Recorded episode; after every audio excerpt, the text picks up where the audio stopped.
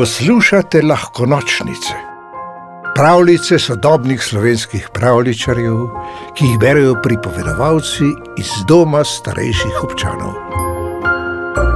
Sladka skrivnost. Veverica Čopka ima gotovo najlepše urejen in pospravljen domek med vsemi živalcami v gozdu. Pod njeno duplino ni nikoli najti odvrženih lupin.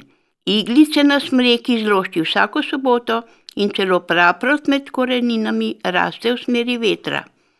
Tako je tudi tistega dne brklala po kuhinji in gledala, ali bi se dalo še kaj izboljšati, ko je na vršni polici našla posodico z orehi.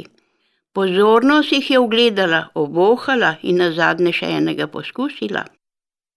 Hm, lanski orehi, je glasno razmišljala. Še vedno so okusni, a treba jih bo čim prej porabiti. Le kaj naj z njimi? Za potico jih je bilo premalo, za palačinke ni imela prave moke, da bi jih pa kar tako pozobala, se je zdelo škoda. Ponosna je bila na mojstrovine, ki jih je spekla iz orehov, zato je v najdbi videla prav poseben izziv. Že vem, je veselo skniklila.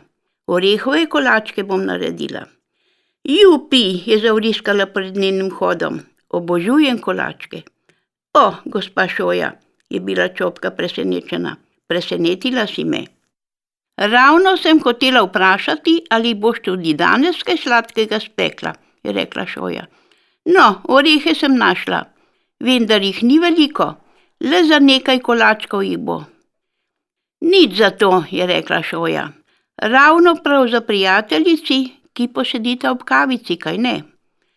Najbrž res je pokimala čopka. Seveda bom skuhala tudi kavico, pridi popovdne. Potem je umoknila, kot bi hotela še nekaj reči.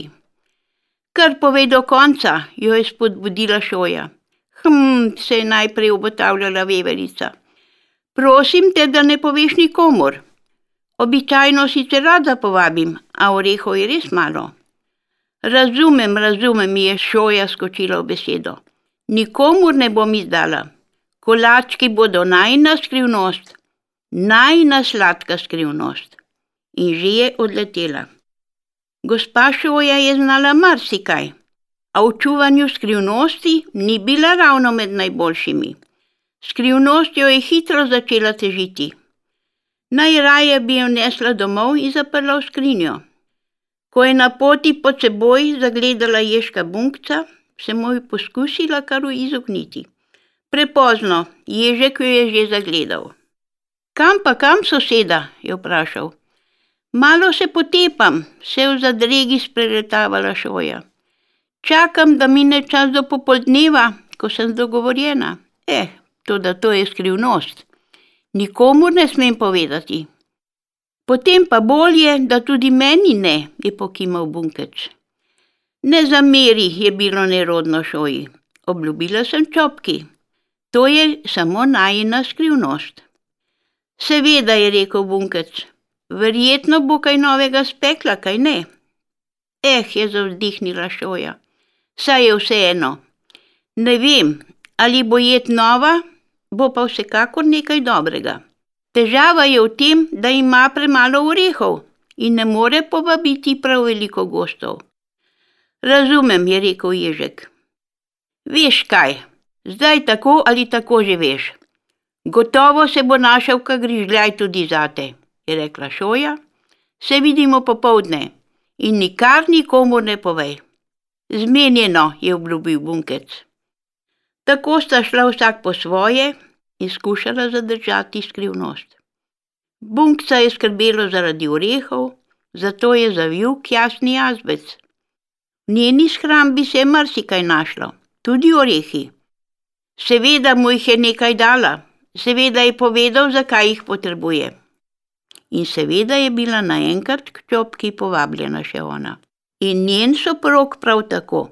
In vedno lačna mladiča sta morala obvezno zraven. Tudi šojne težave s čuvanjem skrivnosti se niso kar tako nehale. Preden je prispela do gnezda, je za orehove kolačke, veverice čopke, vedelo že pol gozda. Najbolje, da še sam kaj prinesem, je sklenil zajček šnovko in zavil veliko korenčkove torte, ki mu je ostalo od kosila. Če bo kolačkov kaj zmanjkalo, se lahko še vedno posladkamo z marmelado moje babice, je medved godrnjavec odklačal proti gozdni jasi. To bo odlična priložnost za preizkus mojega novega jagodovca, se je še srna pika napotila na travnik pred čopkino smreko. Veverica se je zagledala množico, ki se je zbrala pod njeno duplino. Prav vsak je seboj prinesel kako dobroto. Na mesto prijetnega druženja v dvoje se je obetala prava veselica. No, toliko o najni skrivnosti, se je z resnim obrazom obrnila k šoji, ki se je v zadregi prestopala pred vhodom. Še sreča, da sem spekla tudi narastek. Oprosti, je rekla veverici. Drugič skrivnost raje zadrži zase.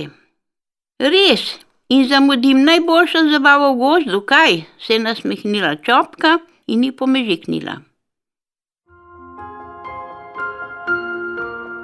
Pravljico napisal Tomo Kočar, pripovedovala Mari Klešnik.